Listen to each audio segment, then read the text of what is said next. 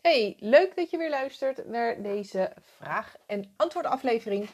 Uh, in deze afleveringen beantwoord ik altijd één specifieke vraag die ik krijg van mijn één op één klanten of uh, via de mail of Instagram, uh, waar ik meestal ook best wel een hoop vragen binnenkrijg.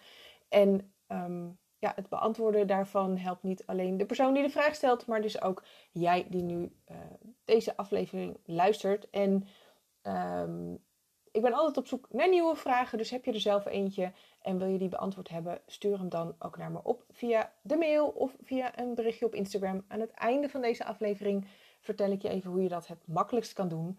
Uh, maar ik ga eerst de vraag voor vandaag beantwoorden. En dat is de vraag: kan ik zwanger worden als ik last heb van endometriose? Nou, um, steeds meer vrouwen um, hebben last van endometriose of krijgen de diagnose endometriose. Um, en dit is dus een veel vaker voorkomende vraag die ik krijg. Ja, en wat is endometriose nou? Het is eigenlijk um, weefsel dat lijkt op het endometrium, oftewel het slijmvlies dat aan de binnenkant van je baarmoeder zit en wat dus gedurende je cyclus opbouwt en ook weer um, ja, afgestoten wordt tijdens je menstruatie. Maar dat weefsel zit dus niet in de binnenkant van je baarmoeder, maar aan de buitenkant ervan, eigenlijk in je buikholte.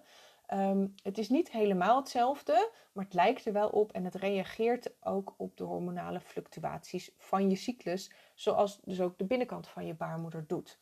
Um, dus op basis van je hormonen kan ook dat weefsel aan de buitenkant uh, toenemen of uh, weer afnemen. Alleen in tegenstelling tot dus het, het, slijmvlies dat aan de binnenkant van je baarmoeder zit, kan dit weefsel niet worden afgevoerd, want het zit eigenlijk in je buikholte. En dat kan voor ontstekingen en littekenvorming zorgen, wat erg pijnlijk kan zijn. Um, het weefsel bevindt zich vaak op of rond je baarmoeder, je eileiders, in je bekkenregio, je blaas en je darmen. Dat zit natuurlijk allemaal een beetje bij elkaar. Uh, maar in sommige gevallen is er zelfs van dit uh, endometriose weefsel gevonden rondom de longen of zelfs aan de binnenkant van de neus. Dus het kan ook echt een soort van ja, door je lichaam um, reizen, om het zo maar te zeggen. Nou, sommige vrouwen hebben constant pijn of gevoeligheid, dus die, die hebben eigenlijk altijd uh, een beetje een zeurende pijn. En anderen ervaren dus veel meer cyclisch het ongemak. Dus die hebben veel hevige pijn rondom hun menstruatie en wat milder verderop in de cyclus. Veel voorkomende symptomen van endometriose zijn onder andere dus een hele hevige menstruatie, bekkenpijn, menstruatiepijn, um, veel bloedverlies, darmproblematiek, waaronder klachten die vergelijkbaar zijn met een prikkelbare darmsyndroom, maar die worden dus vaak veroorzaakt door dat weefsel. Het kan ook constipatie of juist diarree zijn. Uh, je wordt vaak pijn tijdens geslachtsgemeenschap. Vermoeidheid komt heel veel voor en ook een verminderde vruchtbaarheid.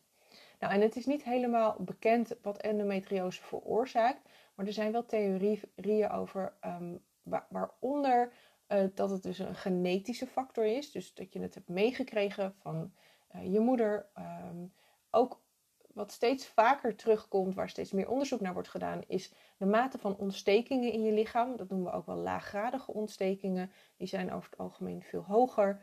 Het kan ook uh, nou ja, in ieder geval versterkt worden door omgevingsfactoren.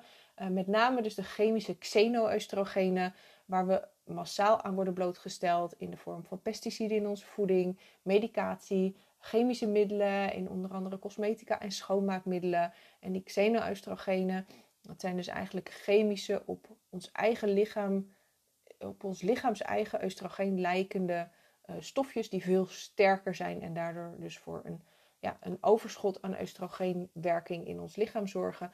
En wat ook steeds vaker nu naar voren komt, is een auto-immuunreactie, waarbij je immuunsysteem zorgt voor een ontstekingsreactie.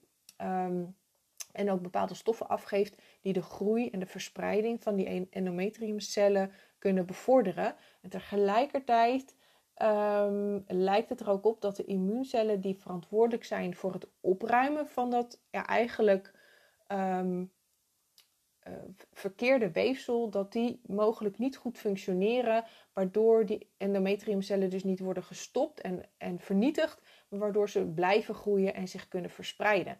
Dus daar zie je eigenlijk dat het immuunsysteem een beetje in de war is. Nou, en hoe beïnvloedt endometriose dan je vruchtbaarheid? Nou, als uh, die endometriumcellen die kunnen zich bijvoorbeeld op of in je eileider uh, bevinden. En daardoor kunnen ze de doorgang blokkeren, waardoor het sperma niet bij de eicel kan komen en uiteindelijk de eicel dus ook niet bij je baarmoeder kan komen, omdat die doorgang geblokkeerd is. Um, het kan ook zorgen voor kiesten op je eierstokken en deze kunnen dan weer de eierstokfunctie uh, verstoren of zelfs de kwaliteit van je eicellen beïnvloeden. Zeker als er littekenvorming plaatsvindt, dan um, ja, wordt, dat echt, ja, wordt het gewoon lastiger voor die eicellen om nou ja, goed tot rijping en uiteindelijk tot ovulatie te komen. Uh, endometriose kan ook leiden tot een hormonale disbalans. En dat met name in um, een hoger oestrogeen. Dus dan zie je een disbalans tussen oestrogeen en progesteron. Nou, dat kan de ovulatie verstoren, maar dat kan er dus ook voor zorgen dat de innesteling in de baarmoeder moeilijker is. Uh, endometriose kan ook ontstekingen dus veroorzaken. Dat, en uh, met name dus in het bekkengebied.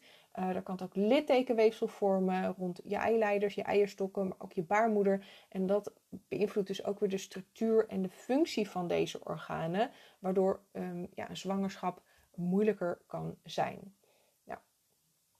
Uh, het is niet zo dat je um, dus niet zwanger kan worden als je endometriose hebt. Er zijn zeker wel dingen om, uh, die je kan doen om de endometriose te verminderen. Um, en niet iedereen gelooft dat dat zo is. Maar inmiddels ken ik wel genoeg vrouwen die hun endometriose onder controle hebben gekregen en kinderen hebben gekregen door het aanpassen van hun leefstijl. Nou, het is dus niet altijd makkelijk, want soms moet je best wel, ja, je moet toch wel wat, wat, wat strikter zijn in bepaalde dingen. Maar er zijn dus echt wel opties waardoor je je kans op een natuurlijke zwangerschap kunt vergroten. En dat komt er ook nog eens een keertje bij. Op die manier kun je dus ook je pijnklachten, je hevige menstruaties en andere vervelende klachten die je ervaart, uh, verlichten of helemaal zelf, zelfs helemaal laten verdwijnen. Dus um, het is niet alleen voor een zwangerschap, maar ook voor gewoon je eigen gezondheid en je eigen um, welzijn. Um, ja, toch heel verstandig om daar naar te kijken. Nou, wat is dan belangrijk? het is dus vooral belangrijk om die ontstekingsreactie in je lichaam te verlagen. Een ontstekingsreactie remmend dieet kan daar dus enorm aan bijdragen. En denk dan met name aan dus eigenlijk alleen maar natuurlijke voeding, waar zo min mogelijk, of liefst helemaal geen chemicaliën en kunstmatige stoffen aan toe zijn gevoegd. Uh, vrij van pesticiden, um, niet bewerkt, dus, dus niet uit de fabriek, uh, maar echt gewoon vanuit de natuur zoals het bedoeld is. Ook voldoende omega-3's, die je vooral vindt in vette vis.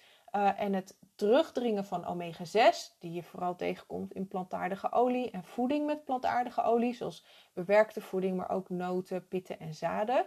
Uh, als je die balans verbetert, dan draagt dat ook bij aan het terugdringen van die ontstekingsreactie. Want vaak zie je uh, tegenwoordig heel veel mensen waar die omega-3 en 6 balans gewoon niet goed zit, waardoor er veel meer omega-6 is dan dat er eigenlijk omega-3 voorhanden is, waardoor je dus automatisch een ontstekingsreactie krijgt. Nou, het is ook raadzaam om naar je omgeving te kijken en eens te onderzoeken in welke mate je dus wordt blootgesteld aan die xenoestrogenen waar ik het net over had. Maar ook zware metalen en andere chemische stoffen kunnen uh, ja, onderdeel van het probleem zijn. Ook je darmen spelen een belangrijke rol in je hormoonhuishouding en ook in je immuunreactie. Dus je ziet vaak dat vrouwen die uh, last hebben van endometriose, dat die ook darmproblemen ervaren. Dus bijvoorbeeld voedselintoleranties, vaak opgeblazen buik hebben, constipatie, um, buikpijn na het eten, allemaal dat soort dingen. Dan is het dus ook echt raadzaam om met je darmen en je darmflora aan de gang te gaan en te zorgen dat dat hersteld wordt. Nou, ook daar kan, uh, speelt voeding een belangrijke rol in. Um, het is niet helemaal voor iedereen hetzelfde. En de ene heeft veel meer baat bij een soort van eliminatiedieet. En de ander die kan gewoon bepaalde voedings, um, ja, voedingsstoffen vermijden. Zoals bijvoorbeeld gluten. Hè. Het kan zijn dat je daarop reageert. Maar ik heb toevallig laatst had ik ook weer iemand en die reageerde heel heftig op spinazie. Nou, daar wordt altijd van gedacht dat is super gezond voor je. Alleen wat is, spinazie bevat heel veel van het stofje oxalaat. En um, ja, dat kan dus ook echt voor um, buikpijn zorgen en um, ja, zelfs voor beschadiging van die darmwand. Dus dat is echt wel per persoon weer verschillend.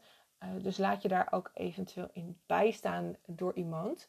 En nou ja, hoewel endometriose je vruchtbaarheid dus wel degelijk uh, ja, negatief kan beïnvloeden, betekent het niet dat een zwangerschap onmogelijk is. Dus ook als je van je dokter te horen hebt gekregen dat je bijvoorbeeld naar IVF moet gaan kijken, het, het zou kunnen zijn dat je uh, door middel van het aanpassen van je leefstijl, dat je in ieder geval ook die kans vergroot. Maar dat je, wil je wel een IVF-traject starten, dan zou het dus ook kunnen helpen om dat IVF-traject beter te laten verlopen. Uh, want die endometriose is, is er en zal dus ook een invloed uh, hebben. Het vraagt wel wat inspanning, maar daarbij help je jezelf dus niet alleen om zwanger te worden, maar ook om verdergaande problemen later in je leven voor te zijn. Nou, en kun je hier wat hulp bij gebruiken of wil je weten hoe jij je vruchtbaarheid kunt verbeteren uh, als je last hebt van endometriose?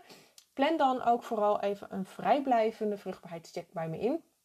Uh, en na deze korte call weet jij precies hoe je ervoor staat. Wat je kunt doen om je lichaam zo goed mogelijk voor te bereiden op die zwangerschap, maar ook te ondersteunen tijdens een zwangerschap. Aanmelden kan via de link in de beschrijving van deze aflevering. Of stuur me even een berichtje via Instagram. Daarvan zie je ook mijn account in de beschrijving. En um, ja, ik zou het sowieso heel leuk vinden om daar met je te connecten. Dus zoek me sowieso even op. Nou, en heb je nou zelf een vraag die je graag beantwoord wil hebben? Stuur hem dan ook even in via de mail in um, de beschrijving of een berichtje dus op Instagram. Ik kijk er in ieder geval naar uit om van je te horen. En hopelijk ben je er volgende aflevering ook weer bij. Ik wens je een hele fijne dag vandaag.